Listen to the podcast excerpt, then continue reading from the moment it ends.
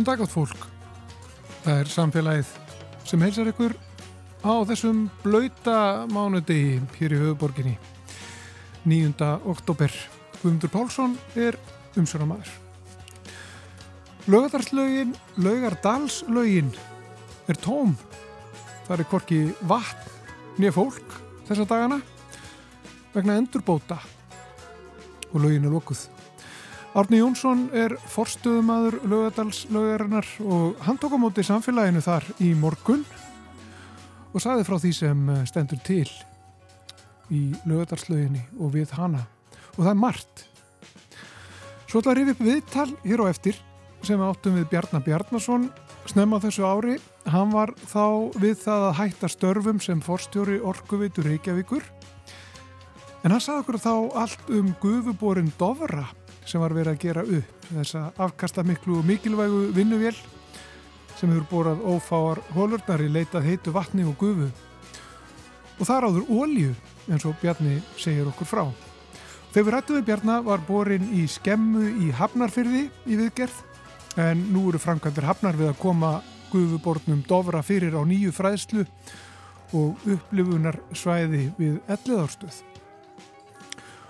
Svo rifum við upp 50 ára gamlar upptöku úr Sapni Rúf með Helgu Láru Þorstensdóttur hér á eftir og gott ef málfarsmínútan verður ekki líka þarna eitthvað staðar á sveimi. En við ætlum að byrja á tómri lögardalslög.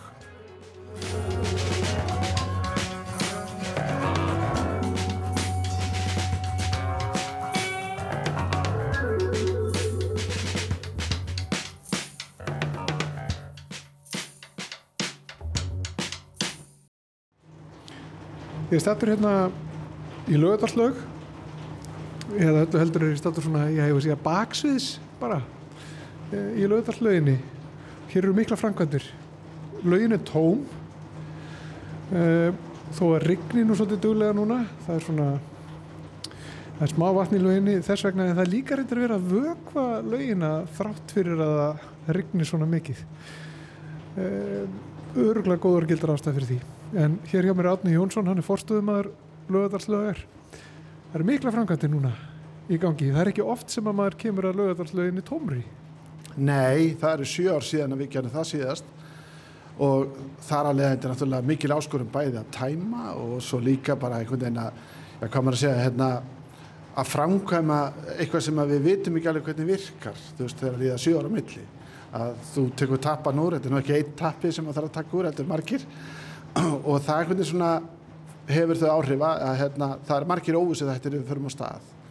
Og þú varst að mynda að tala um vökunn en úti núna, úti, hérna, við þurfum hana sannlega ekki núna en við þurfum hana þurrum dögum.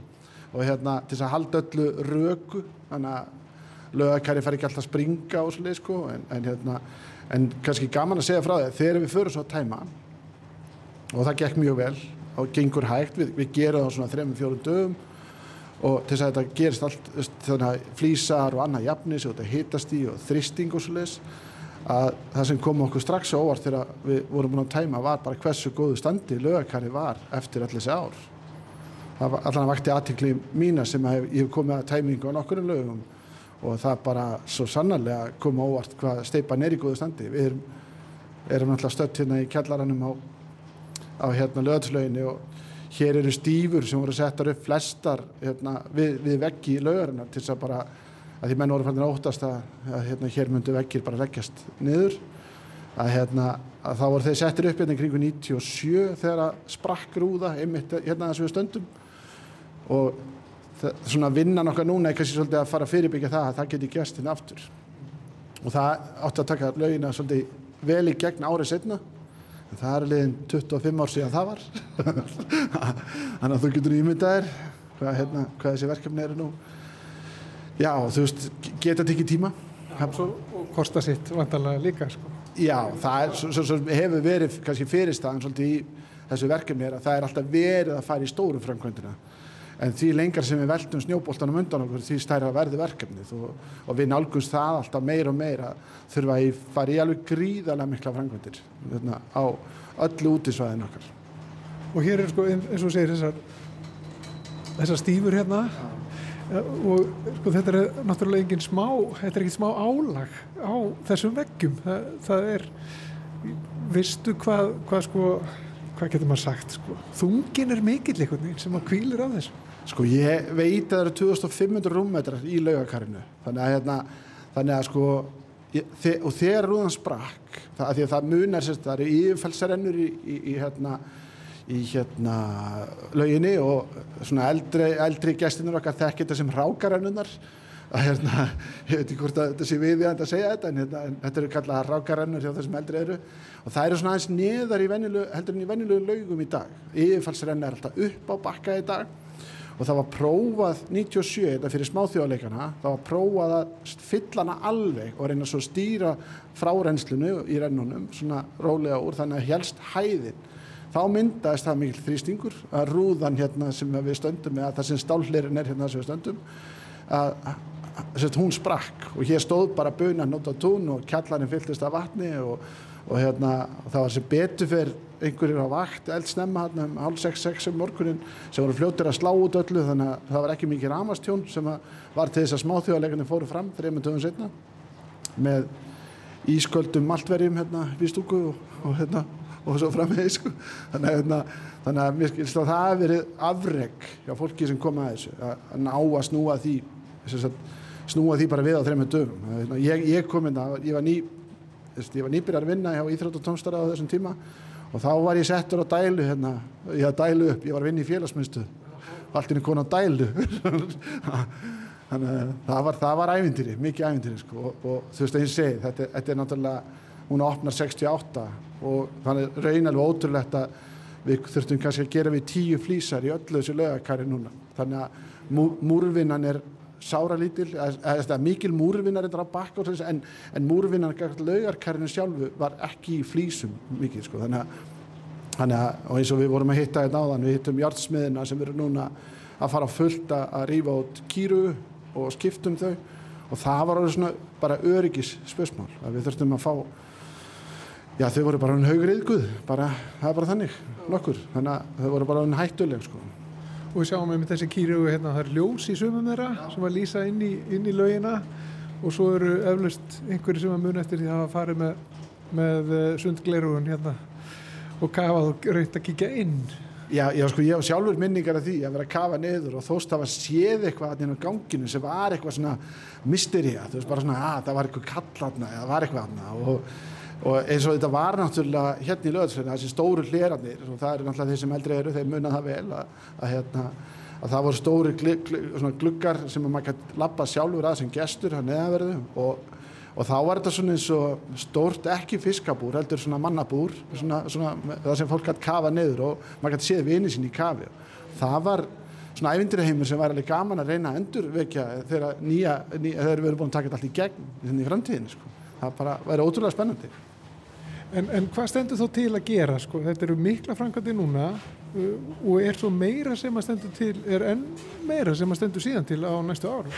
Já, í rauninni þess að framkvæmdi sem verðum í núna er svona hugsaðar 5-8 ár fram í tíman eitthvað svo leiðis og hérna, ja, 5-10 ára eitthvað, það kom okkur að betri stað til næstu 5-10 ára þegar að, hérna, og svo í, svona á næstu árum þá erum við bara að fara alveg að kafi þá vinnu að klára forsögnina fyrir í raun algjörar endurbætur á öllu lögarkarinu og hérna sem þýðir í raun algjöra endurhugsun á lögarslöginu út í svæðinu.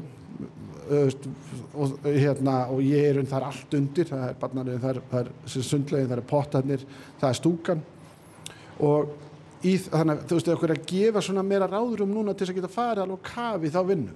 Og svo vinna líka bara er, það er að koma alltaf meira meira ljósa svo vinna, veist, verkefni er það stórt að það er mjög kostnæðasamt og við þurfum svolítið að reyna líka bara að skoða reynslu nágranna þjóða, hvernig hefur þetta gengið. Og við erum með alveg fín dæmi eins og í Oslo og í hérna Kaupmannhöfn, Freðrisberg og, hérna, og fleiri stöðum sem við þurfum svona kannski að líta svolítið meira til og reyna að læra af En það sem við erum að gera núna? Já. Já, það sem við erum að gera okkur núna er, við fórum sér í svona múruvið, múruvið gerir strax, sett, við erum að skipta út 15 kýraugum í lauginni sem að hafa mismöndi tilgang, þau hafa þann tilgang að lýsa inn í lögakarið og við erum að fara að skipta út lýsingunum í öllu lögakarinu í leðinni og öryggismyndaðilar, það er sumar glerjur og svo matt sumstæðar við sjáum ekki fólk almenlega þannig að það er að fara að auka öryggi líka því, því leiti, það er verið að laga yfirfallsrennuna í kringu laugina bæði hreinsun, hún er all full af kísil og, og, og, og farin að leka á mörgum stöðum þannig að lekin þar veldur þá podluminn í kjallara og í raun aðra lagnir farin að riðga í kring.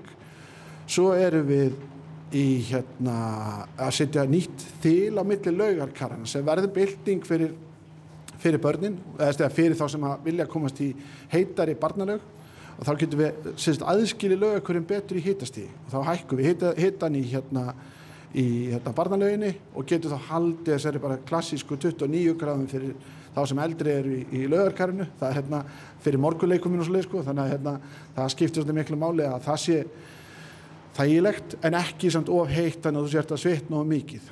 Og hérna, þegar þetta stálþil kemur undir brunna þá erum við allt undir staði við þurfum að rýfa gamalt þil sem að emmitt átt að vera í 1-2 ár í, það var í 26 ár. Þannig að, þannig að við kvöldum það hérna og, og glöndumst yfir því. Já. og hérna svo er því að heilbyrðiseftiliti hafði svona ákveðna aðtöðsendur við það. Og svo erum við svo sem að gera ímsætt betur, betur um mikillir hreinsun á laugina því að hún var alveg bara lúin og við eigum miklu auðveldar með að reynsa hann eftir við opnum aftur að því við erum nýbúin að fá nýja svona sund robótsund riksugu sem við setjum það niður á kvöldin riksugar með því að setja lokar á milli lögakarana þá, þá fer hann ekki að milli og rugglast eitthvað þannig að þá bara getum við setta niður á kvöldin tekið hann upp á mótnana og það er að leðandi ætti lögakarið að verða munreitna fyrir almenning sko. þannig að hérna og svo bara í leðinu höfum við að taka pottana í gegn svona svona upp ákveðinu marki, við höldum áfram næsta vor með það, það er svona einfaldar að loka þeim einum að, ein, einum að öðrum sem þetta er að gestir eru komnir. Þannig að við svona, það, það er eitthvað sem við tökum betur, við vorum að laga sjópottin sem er mjög vinsall pottur, já, mjög mörgum og hérna og það, hann, við, við svona fórum í bráðabyrja viðgerð fram á vor og svo í vor vonandi fáum við bara almennilega viðgerð. Alltaf fara fullt aftur þá sko. Og við þurfum að halda áfram næsta vor því miður, það er bara við þurfum að taka kannski einhver tíu kýru til viðbútar sko. þannig að hérna en þá, veist, þá vitum við meira þá vitum við hvernig við tökum tapan úr hvernig við látum þetta og hvernig það gengur í reyni, af því að hér voru alls konar efasemtir, vekkir myndur hrinja, lagnir myndur springa og svo framvið sko. það var, þú veist, af því að það var bara ekkit vita almenlega hvernig það myndi virka, af því að leiðu fyrir að tæma mjög mikið, mjög hratt þá eru náttúrulega niðurfallslagnir sem við vitum ekki hvernig taka við sko. og mikil þrýstingur og sless getur valdið því að það getur, það getur í eitt og annað gerst sko. bara spröytast út um allt sko.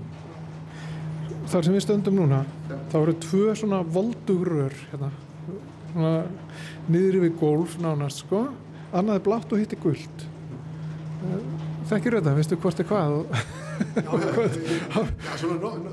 ég er ekki, svo sterkast í alveg í tæknumálum en sundlægkerfin allir er hringrás við erum alltaf að nýta vatnið eins vel og við getum sem þýðir í rauninni að við erum að taka ákveðin hluta vatnin alltaf inn í hreinsun og inn í hringrásun og hækka hitastíð í svona jöfnunatank sem kemur svo aftur þá inn í, inn í kerfið þannig að bláa lögnin er eða er, er lögnin sem að dælir vatni inn í lauginu hjá okkur, guðlalagnin sem er hérna fyrir neðan, hún er að taka vatni fyrir okkur úr sérst, og setja inn í ringrásin aftur. Svo er yfirfarslögnin sem er, við sjáum ekki hérna okkur þar sem við stöndum núna, hún er hérna aðeins lengra inn á ganginum og jú, hún er hérna efst uppi, hérna, að hún tekur það í raun það sem fer í ruslið. Rák, við erum ekki nýta rákana áfram, sko. Þeir fara bara þanga sem þeir eru að fara hérna átt í sjó. Þannig að, já, þannig að, og svo er bara kerfið þannig að við erum að nýta vatni eins veist, vel og við getum, við eigum samsakart reglugera, þá að vatni endun í að sjá hvað oft í viku. Og ég, hérna, með minn er að lögakari hérna úti hjá okkur síðan svona einhvers þar í kringu vikuna eitthvað svolítið, þá þarf að vera búið endun í að sjá alveg vatni, þannig að þú veist, við erum alltaf bara með viðbót, alltaf bæt inni og hérna, og svo sagt, og svo hefur við lendið í vandræðum, það hefur komið gata á lagnir hérna og þá eins og þú tókst eftir áðan að við löpum inn á gangin og við vorum komnir svona niður í, við þurfum að beigja okkur vel í njánum og, og baki til þess að komast þar fyrir. Og þar þar stundum að fara í stóra viðgerðir og það er mjög krefjandi og þess vegna þurfum við bara að fá betri líka vinna aðstöðu fyrir fagmenn sem, eða fagfólk sem kemur að verkefnum hjá okkur sko. og það er kannski rós líka á það. Það búa ganga alltaf ótrúlega vel framkvæmdinn hinga til. Svo náttúrulega gerist eitthvað í morgun og um helgina sem við ráðum ekki alveg við næstu dag sem er veðrið þannig að við þurfum svolítið að sjá miðugut á 50 dag hvernig staðan verður með veðrið upp á mál, málningavinnu og slisa því að það er líka framöndan það átt að fara í málningavinnu um helgina en, en því miður þá er veginn hérna, já, það verður eitthvað dreigist það var þurkur og eitthvað dóttir sem var ekki alveg nógur að hittast í eitthvað, ég veit ekki alveg hvernig það er ég átti að taka stöðun á því. Þannig að, að við erum svolítið svona núna trist á það að hérna, já, við erum meðal svolítið að býða til að veðrið sloti núna aftur og sjá hvernig staðan verður með það til þess að keira allt alveg fullt aftur. Að hérna, en kýruðum fara í núna bara í dag og morgun og stálþil kemur þetta niður á miðugudaginn en það er málingavinna sem kannski að, mun aðeins draðast í vikunni. Og svo það sem við höfum verið að reyna að gera hérna í laugin er að vera bara upplýsandi reyna að upplýsa eins mikið um frammyndun og og láta fólk vita. Þetta er staðan hjá okkur í dag við erum að reyna að klára þetta, við viljum að reyna að opna þarna og um leið og erum mjög upplýsandi þá setur hérna, þrýsting á fagfólki sem er að vinna hérna hjá okkur sem er vinnaða mennina og vinnaðar, já bara fólki sem er að koma hérna aðeins hjá okkur pluss það að við líka bara fá meiri skilning hjá almenning, fastagestunum okkar og öllum sem er að koma til okkar. Þú veist þannig að okkur finnst alltaf við erum með alveg fulla rekstur á innilauginni hjá okkur. Þannig að í raun fulla rekstur þá meina ég við erum að fá alla grunnskólana til okkar, þessi 11 sem er hjá okkur, háskólana, þeir eru að koma hérna í þjálfun og svo vorum á mótið um helgina uh, hjá ægi og verðum mótið næstu helgi í Íþróttafélagi fallara og þannig að við erum alveg á fullu bara. Hérna, með, með hellingi gangi í raun en okkur finnst þess að sé ekkert að gera þegar útilögin er ekki opinn sko. það er bara, staffin mitt er bara svona að starfsfólki hérna er bara svona frekar afslappaði yfir söllu hérna að gengur allt svo vel sko. Þannig, hérna, og líka bara svona smá andrými að því við lókun alltaf bara í lögatslög einu svona ári, það er bara jóladag það er bara, það er eini dagur sem maður kemst ekki í lögatslögina nema núna.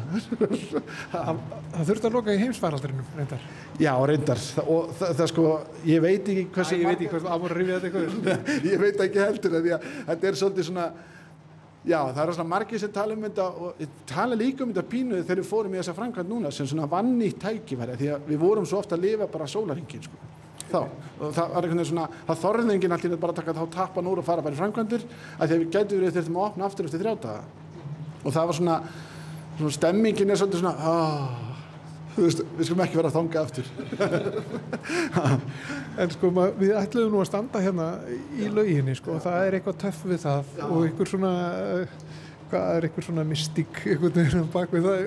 Tómar sundluver, það er eitthvað mjög sérstætt við þetta og þú veist nú um þetta að segja aðan sko þegar að þegar að maður sem krakki var hérna að kíkja inn, í, inn um rúðunar hérna og inn um kýrugun að reyna að sjá eitthvað og þetta var allt afskaplega dölafullt er þetta eitthvað dölafullt?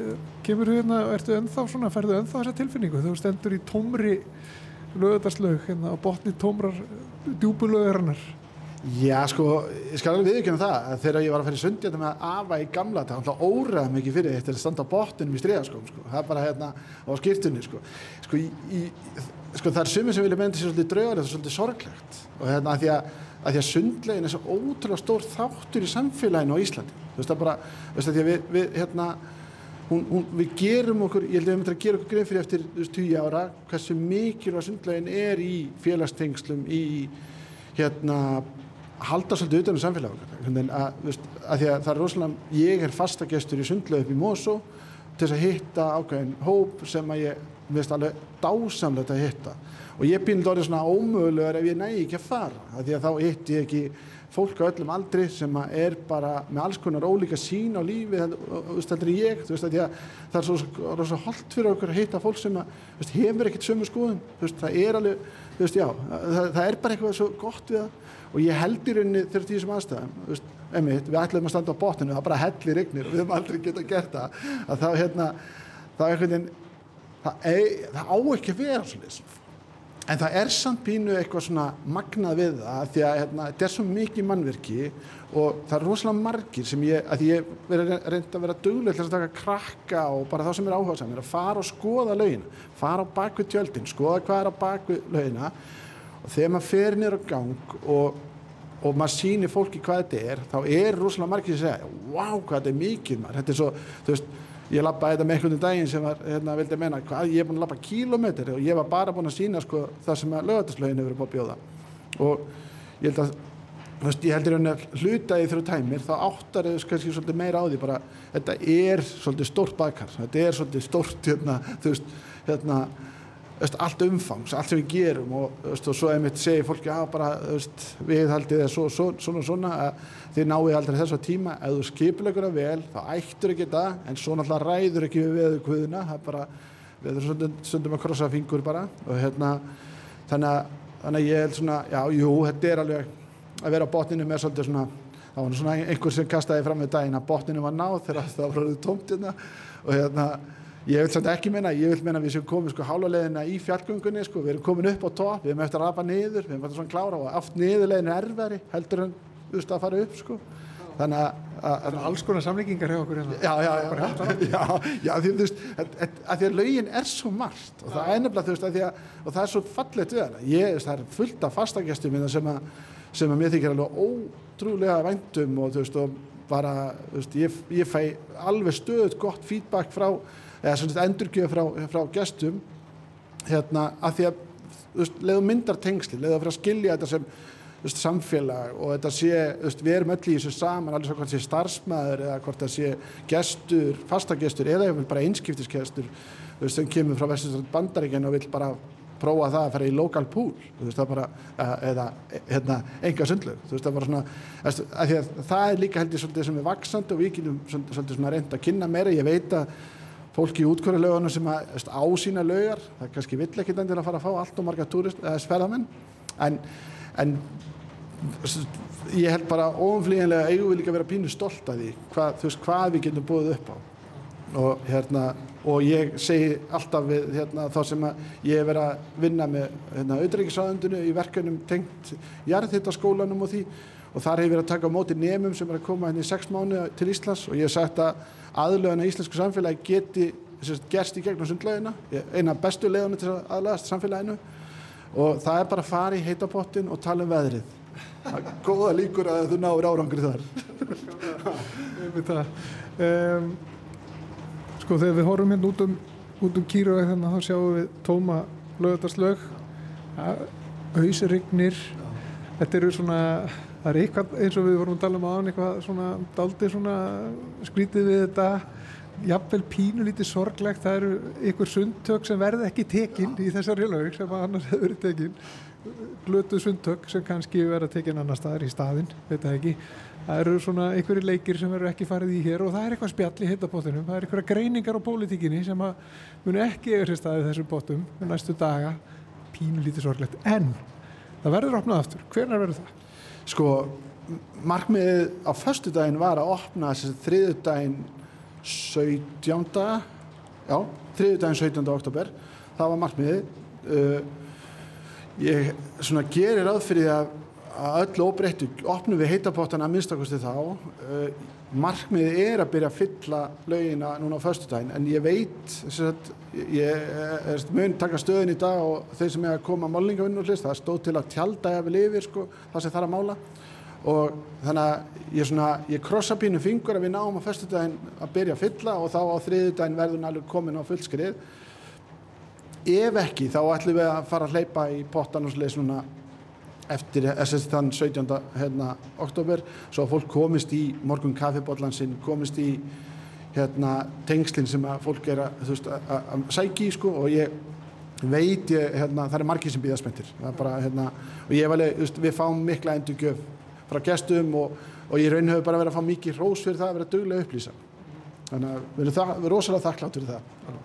Þannig að það var búist því að hér muni hinn pólitíska greining og stað heimsmáluna verið rætt hér svona vonandi þá væntalega í kringu 17. oktober. Átni Jónsson, gaman að fá að koma og, og skoða og gangi ykkur bara vel með þetta stóra verkefni. Takk kærlega fyrir og takk fyrir kominu.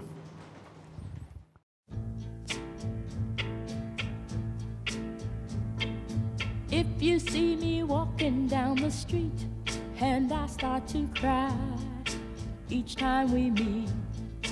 Walk on by.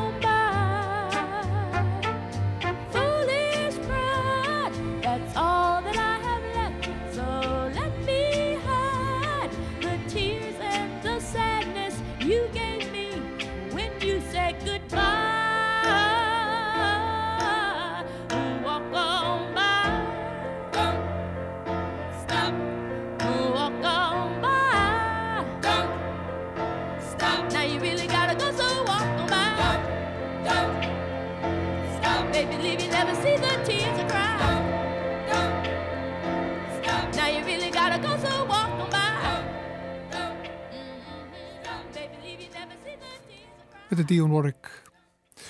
Walk on by. En þá ætla að vera við upp viðtal sem við tókum við Bjarnar Bjarnason fyrirverandi fórstjóra Orkuveitu Reykjavíkur um gufuborinn Dovra sem verið var að gera upp. En nú eru framkvæmtir hafnar við að koma þessum bor fyrir eh, við elliðarstöð Þetta viðtal sem við eh, tókum við hann í februar og hann segir okkur allt um þessa merkilegu vinnuvill Ég er stættur í vélsmiðju Vafá-E í Hafnarfyrði og stend hér eh, við ansi stóra og mikla vél. Þetta er gufuborin Dovri sem glöggir hlustendur samfélagsins muna eftir eh, þegar við fórum á stúfuna um daginn og skoðum borhólu í Mósveldsdal eða öllu heldur brunarústir uh, byggingar sem var reisti yfir borhólu í Mósveldsdal. Og þá kom fram að uh, vélinn sem var nótuð til að, að bóra þá hólu var gufuborin Dovri. Og þessari vél, þessum bor, hefur verið líst sem verðmætustu vinnuvél Íslandsugunar. Og hér er Bjarni Bjarnason, forstjóri Orkuveitunar, eh, sem að þekki sögu þessarar eh, verðmætu vinnuvélar vel. Nú stendur til að gera þessa merkilegu eh, vél upp, ekki sett? Jú, það stendur til og við ætlum að koma hana fyrir í ellið á stöð og reysa mastri þar og fólki til fráleiks og, og, og skemmtunar. En hver er saga þessa merkilega dækis?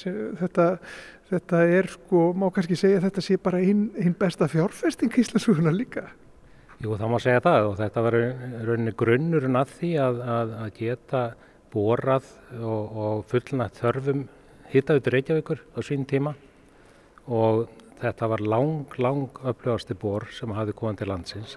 Hann er keftu 1957, hann borar hins vegar fyrstu hóluna í mæ eh, 1958 og það var eh, á mótum eh, Sigtúns og Nóatúns. Og Sigtún náði alveg til Nóatúns þá áður en að kringlumvira brautin skar af. Það voru svo kallu undralandstúni. Og það er fyrsta hólan sem er tekin. Og áður hafið þessi bor verið notaður í, sko, til að bóra til ólíu, er það ekki? Jú, í Texas í, í bandaríkjunum, það er rétt. Og það er þessi, þetta, við þekkjum svo sem við höfum sér myndir af svoleiðis borum, sko, það er þessi miklu möstur sem að standa upp úr þeim. Þetta er bara nákvæmlega þannig bor. Jú, þetta er akkurat þannig bor. Hann, eh, sko, bortæknin kemur í rauninni öll úr ólíuðinaðunum á sínu tíma. En það sem að þessi bor gat, hann hafði til dæmis liftigetu sem að, sem að ræður öllu um hvað er þetta að fara djúft hann hafði liftigetu eh, og mastri það gat borið eh, 90 tonn. Þannig að, að eh, þá gat þessi bor þar með bora niður á tveggja, rúmlega tveggja kilometra dýpi, svona 2 kilometra og, og 200 metra um það bil, en það voru þá dýftar mörk hans. Og þurft hann að fara svo djúpt, hér. Já, já, og hann, hann fór alveg að sínu dýftamörkum. Það, það var alltaf, alltaf kreist og kreist auðvitað og einu sinni vildi svo til að, að mastri sjálft var hifti niður eins og kalla var. Það er að segja að það var of mikill hundimastrinu þannig að það kiknaði og þurfti, þurfti að kaupa, kaupa nýtt mastur á hann. Já. Hvernig, hvernig virkar þetta svona í, í grundvallar aðriðum, sko? Hvernig, sko, þetta er bor, e, það þarf vantalega svo að koma fyrir ykkur leyslu e, í framhaldinu, sko, til að pumpa upp vatninu.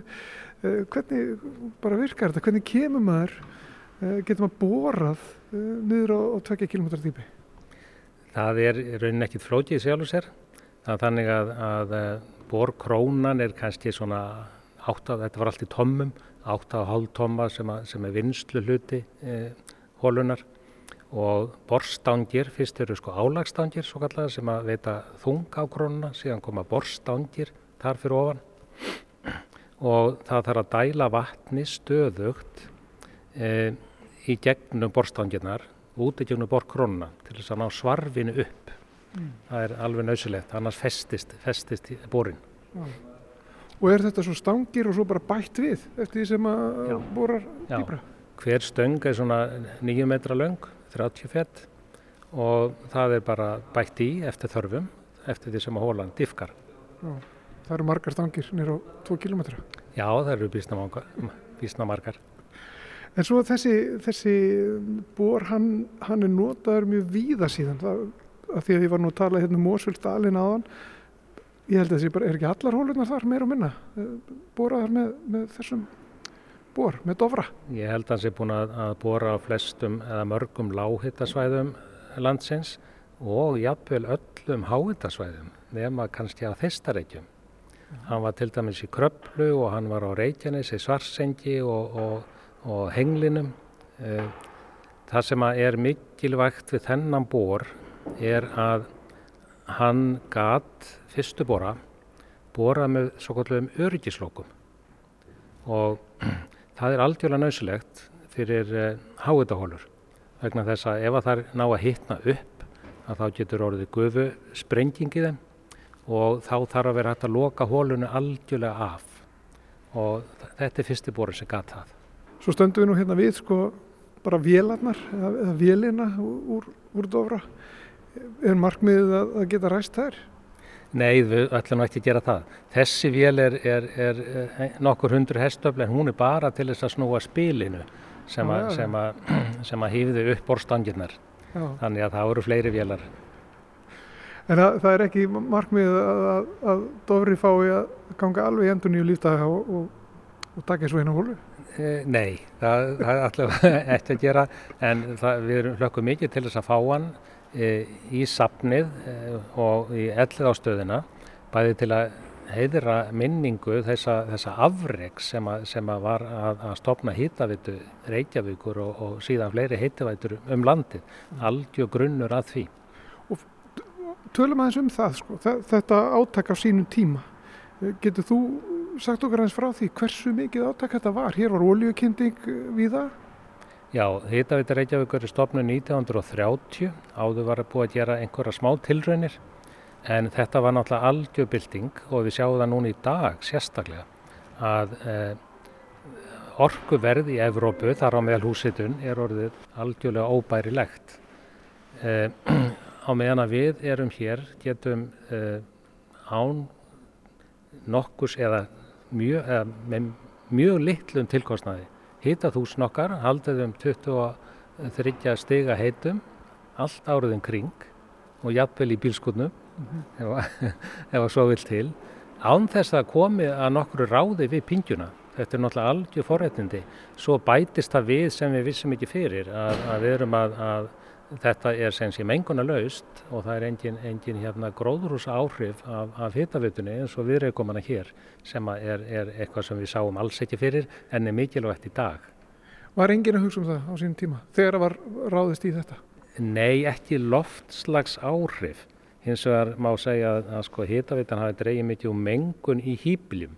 Að, að það var hægt að hætta, já, menn hægt að nota hlóðir og, og, og, og kóla eldavélar og það bætti umhverju mjög innanhús að fá ramas eldavélar og mengunarlausa til dæmis. Veistu hvað Dofri kostaði á sínum tíma, 1957?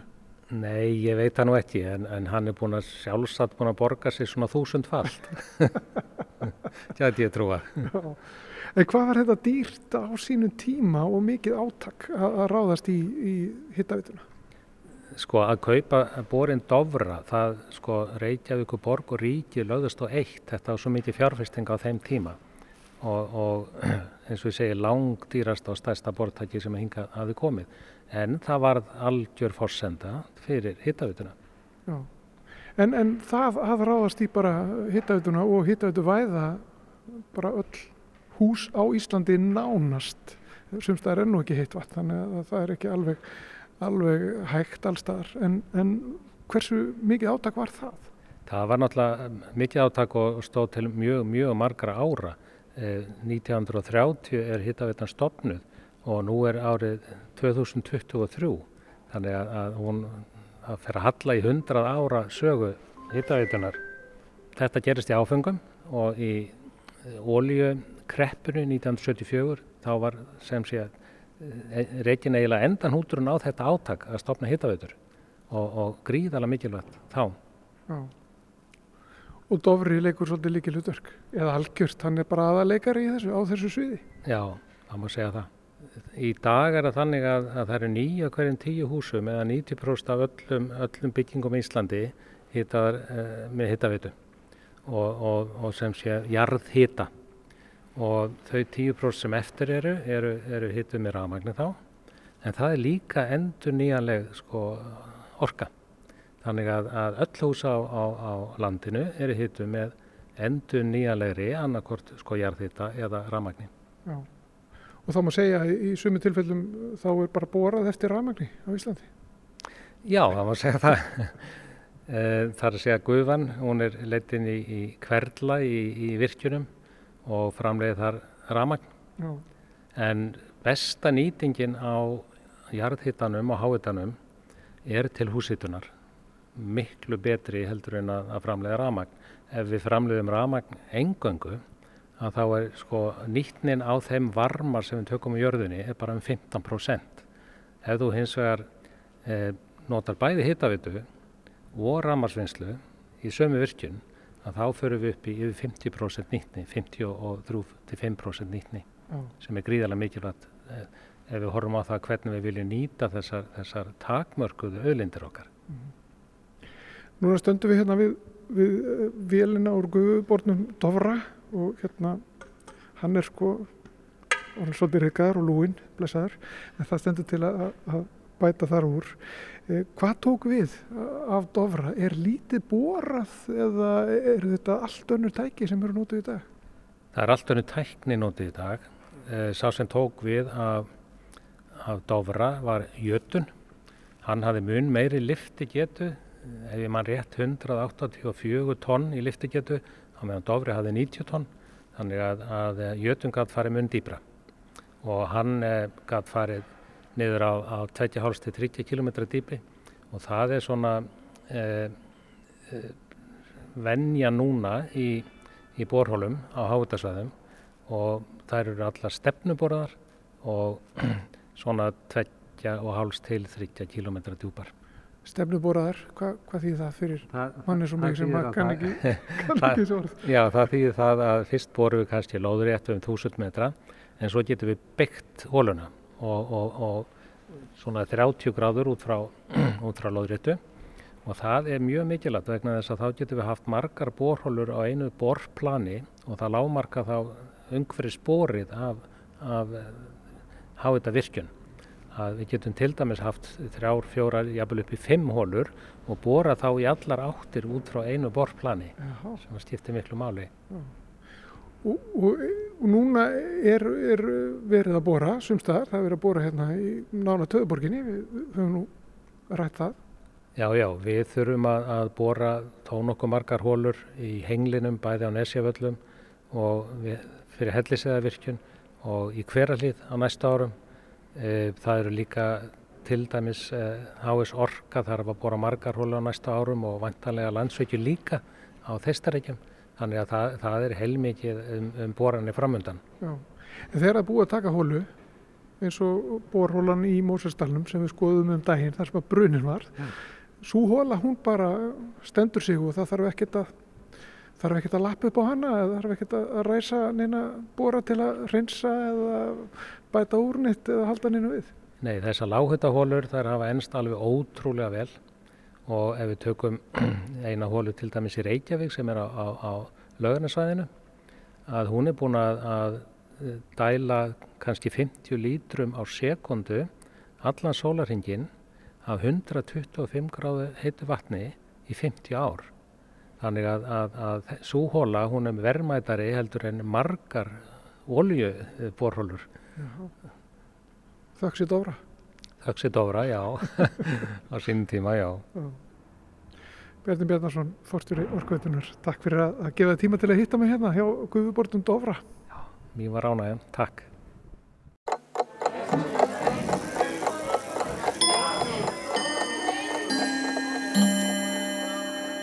Nafnorðið díl merkir blettur eða flekkur, til dæmis í orðasambandinu það sér ekki á dökkan díl, um það þegar allt er hvít á snjó.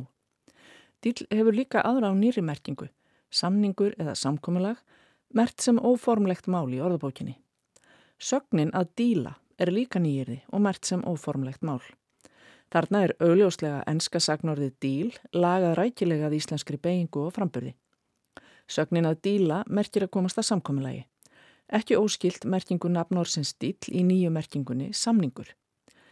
Díla hefur líka í áratugi verið notuð um það að selja fíknefni. Ég veit reynlega ekki hvort hún er enn notuð í þeirri merkingu. Þriðja merkingin er svo tekinn beint úr ennsku að díla við er að fást við eitthvað eða einhvern, engum vandamál eða eitthvað sem er erfitt, svo sem tilfinningar.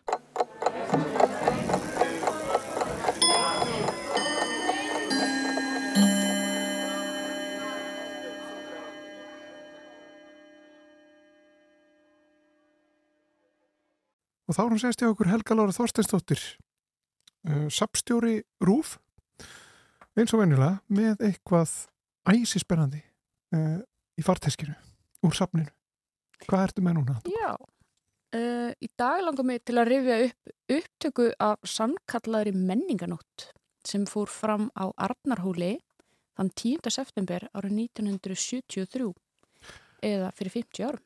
Já, sangallari menninganótt. Já, og þessum atbyrði var útvarpað í ríkisútvarpinu í beitni útsendingu og þarna var á ferðinni fjölmennur hópur fólks sem mótmælti fyrir hugaðri byggingu Sæðlabanka Íslands í norður jæðri Arnarhóls.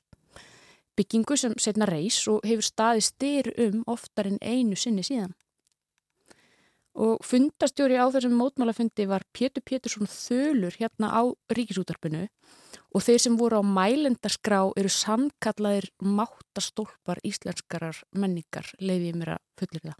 Þarna var Jón Haraldsson arkitekt, Vigdís Fimboðadóttir þá leikustjóri, Tór Viljámsson reytöfundur, auk þess sem að Þorstin uh, Steffensen las orðsendingar frá þremur skáldum, þeim Haldóri Lagsnes, Gunnari Gunnarsinni og svo Tómasi Guðmundsinni. Þetta var sem sé frekar liðurand allt saman og reynda að höfða til einhvers svona kjarna í íslenskri þjóðarsál með náttúruna, tungumálið og menninguna að leiðaljósi.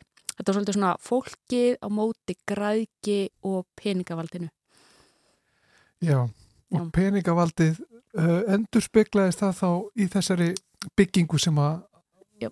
átti þá að reysa og sem senna reys og við þekkjum. Já, einmitt og, og hérna já, það var svona þessi staður Arnarhóll sem hefur hérna mikla þýðingu í okkar menningu og okkar sögu og það var verið að reyna að höfða til þess þarna og, og reyna að koma í vekk fyrir og stöða þessar fyrir hugðu framkvæmdir og þá er auðvitað sæðlabankin hérna svona e, fulltrúi e, peningaaflana Mhm. og svona en þetta er, þetta er hérna 50 ára gamalt Já, einmitt. Um, en það er sérst kunnuleg stef sem koma fram í þessu hljóðbroti sem við ætlum að hlusta á hérna á eftir.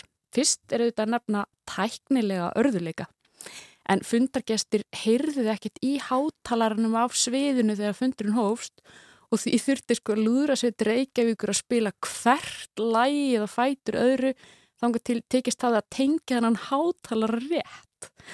Og svo finnst mér svo áhugavert að hlusta á til dæmis hvernig Pétur Pétursson þölur ávarpar fundagesti og svona skammar þá eins og óþekka krakka fyrir að standa og fjett eða hleypi ekki fundamönnum greitt upp á sviðið og svo eru þetta ræðuna sem standa fyrir sínu og væri kannski hægt að staðfæra og flytja aftur við ólík tilöfni jafnvel í dag. Þetta er mjög háflegt sko. Þetta en, ljóman líka bara svona mjög íslenskt. Já, Uh, einmitt þetta með sko tæknilu örðuleikana og að að lúðrasetin þurfa að spila aftur, sko, já, aftur og aftur einhvern veginn til þess að já. fylla upp í tómarúmið sem að myndast af því að tæknin er aðeins að stríða okkur við þekkjum þetta svolítið. Já, þetta kjarnar eitthvað sál í, okkur sko, það Já. er bara að það er Og þannig. eins líka þetta sko, kunningja mótbala, einhvern veginn. Nei, og standa og sig tíma, og vera að skamma já, krakka, fyrir- fariði nú aðeins frá þarna svo og hérna, já, já, já, 50 já. ára síðan, þá kunnu Íslendinga kannski ekkert að mótmála. Ég, ekki nema bara sumir. Mér finnst þetta líka minni mér svo á og minni mann á hvað við vorum í rauninni sko fámenn, svo einlagt Mhm. afskekt og fámenn þjóð við þekktumst kannski öll bara meira og minna og, og leiðum okkur þá kannski meira ávarpa hvort annað svona öðruvísi bara Já, ég, hérna, ég veit ekki svo heyra hérna, svo heyrir fólk öruglega bara sitt þegar það hérna, hlustar á þetta sko og Mhm. maður dregur svona sínar álítanir bara mm.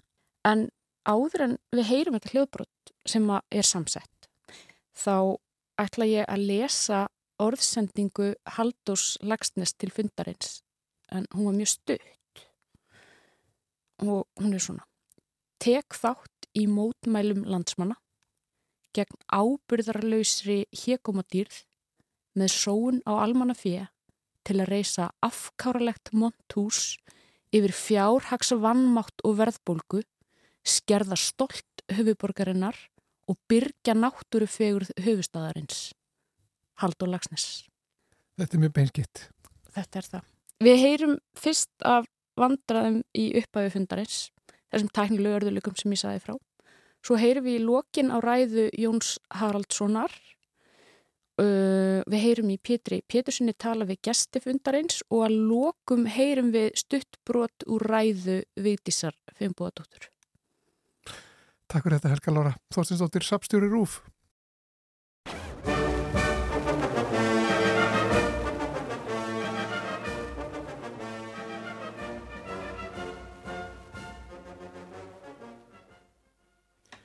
Útvarp Reykjavík klukkan er 15 mínútur í enginni 6 og nú hefst útvarp frá almennum borgarafundi á Arnarhóli í Reykjavík.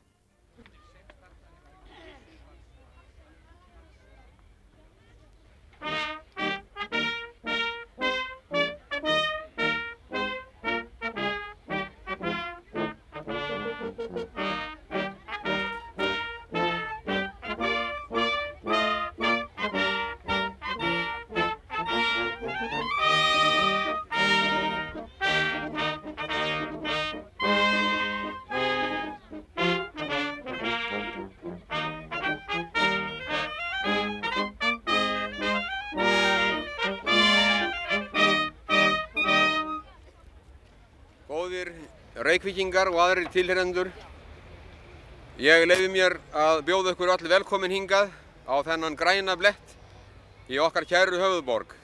Þið sem að hér eruð, öðrum tilherendum heilsa ég og sendi góðar kveðjur hérðan. Við höfum rétt hlýtt á öxar við ána, árdags í ljóma, upprísi þjóðlið og skipist í sveit. Þetta stendur allt til bóta. Þið viti nú, kæru tilherendur, að, að fjölmiðlarnir okkar, að þeir geta stundum átta til að bila.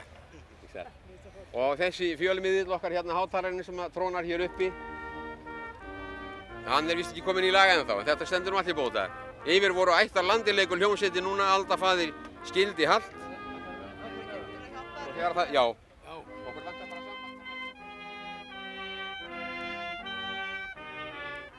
Hvað kemur næst?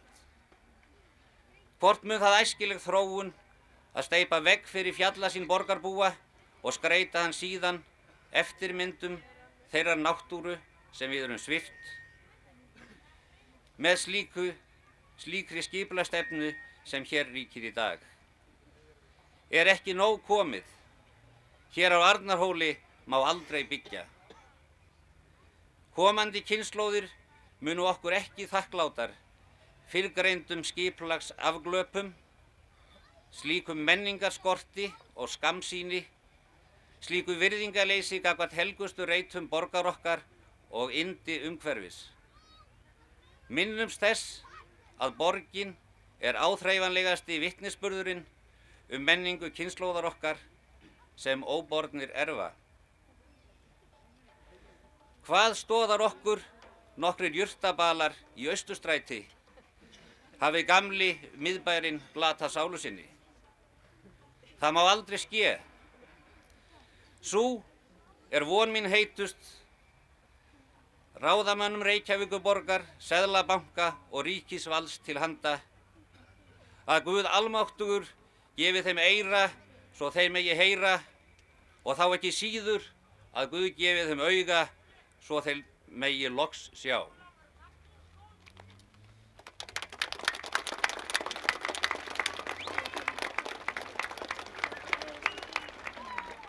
Við þökkum Jóni Haraldsinni kærlega fyrir hans ávarp og uh, þið heyrðu það að Jón er arkitekt. Hann veit hvað hann er að tala um þegar hann ræður um þessar byggingar og hann var að minnast á múrin, hinn mikla múr. Eh, það er náttúrulega elskulegt að hafa svona lifandi og fallegan múr hérna rétt við hliðin á sér. Hann er miklu fallegri og betri en hinn múrin en þó er hann ekki alveg góður. Og má ég byrja þið viti hvað er óþægilegt þegar að setja þér fyrir framann mann í leikhúsi til dæmis. Situr kona allt í henni með stóran barðastóran hatt og maður sér ekki neitt. Þið eru þessi barðastóri hattur sem ég ætla að byrja ykkur um að gjöra svona færa ykkur aðeins til hliðar svona að, að sjáist líka hún Vigdís Fimboðadóttir, leikhússtjóri allar að koma og e, ég ætla að byrja ykkur um að gjöra svona færa ykkur til hliðar. Þið heyrið og sjáið allt sem framfer hér en má ég byrja ykkur um með tilliti til þessar ágætu samborgar okkar sem eru hérna í neðri sætunum. Þið eruð í balkon og stúku en þið miðið ekki skikja á hinna. Gjörðu svo vel Vigdís Fimboðadóttir. Já, gerið þið hljótið að verða við kurtislegum tilmælum um þetta. Sama gildir hérna líka vinstra megin. Engin forréttindi þó með þessu í vinstra megin. Það er alveg sama. Við höfum mælt okkur mót hér í dag til að andmæla byggingu seðlabanka á svæði sem er takkrænt fyrir uppruna okkar og sjálfstæða menningu og sóma auki í minningum þjóðarinnar. Við erum framtaksöðum nútíma Íslendingar og viljum byggja vel yfir menn og málefni. Aðra þjóði líta til okkar öfundaraugum fyrir það hvað við eigum mikið landrými. Samt hefur okkur tekist allt of oft að þrengja steinkössum nútímans fast að fornum menningarvermætum. Við megum til að mynda lengi vera sneift gagvart honum snorra sturlu sinni fyrir að hann hlaða óbivanlegri steinsteipu ofan á óðal hans í Reykholti og gera hordreka eina minnisvarðan á staðnum frá hans tímum, snorra laug. Nú viljum við eiga þetta svæði, Arnarhólinn, ósnortið. Við viljum geta haldið áfram að tengja það hugmyndinni um víðsýni og sjálfstæði bæði í landfræðilegum og menningarlegum skilningi. Við höfum goldið keisaranum þar sem keisarans er og hljótum að búa við frelsi til að njóta þess sem okkar er. Eða hver er hann þessi seðlabanki sem stundum er vittnað til eins og ríki í ríkinu? Hver á hann? Eigum við hann eða á hann sig sjálfur? Ef að við eigum hann þá hljótum við að hafa einhvert ráðstöfunarrétt yfir honum hvernig hann verð sínu fjö og hvar. Eigi hann sig sjálfur og starfsmenn hans séu þrælar hans er það mannleg skilda okkar að bjarga þeim úr ánauð og vísa honum til sætis þar í landaregn okkar sem okkur líkar. Má ég þá kæru samborgarar og aðrir landsmenn og vinnir þakka ykkur fyrir góða fundarsókn og eigum ekki að senda fólkinu sem að situr heima við tækin og hefur ekki átt þess kost að koma hingað en er áræðanlega margt hvað með okkur í huga. Senda því og einnig hinnum sem að kunna vera annars hugar. Ekki veitir þeim nú að fá góðar kveðjur. Ef ekki senda þeim öllum hlýjar kveðjur með loðatæki.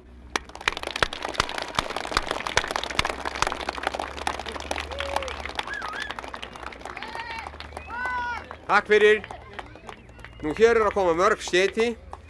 En nú verðum við að hugsa um það að hér höfum við farið fram yfir þann tíma sem okkur var skamtaður og við byggjum bara dagblöðin um að byrta þessi skeiti. Þau eru hér fjölmörg og við byggjum þá sem að sendu skeitin. Við byggjum fyrir bestu kveðjur til þeirra og verðum að afsaka það að það vinst ekki tími til þess. Við megum ekki synga meir upp á náðin en við höfum þegar gert. Takk ykkur kærlega fyrir og hér, hérna slítum við útvarpi. Er lúðrasveitin farin? Eigum við þá ekki bara að syngja eitt lag hér í lokin?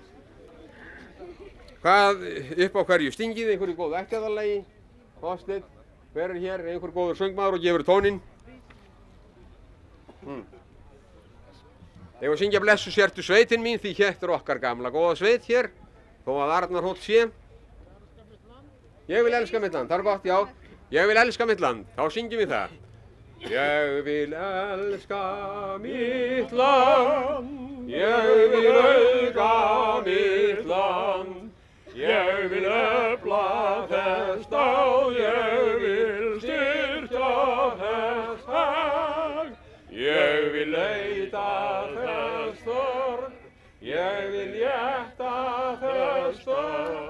ég vil láta það sjá margan hamingju dag.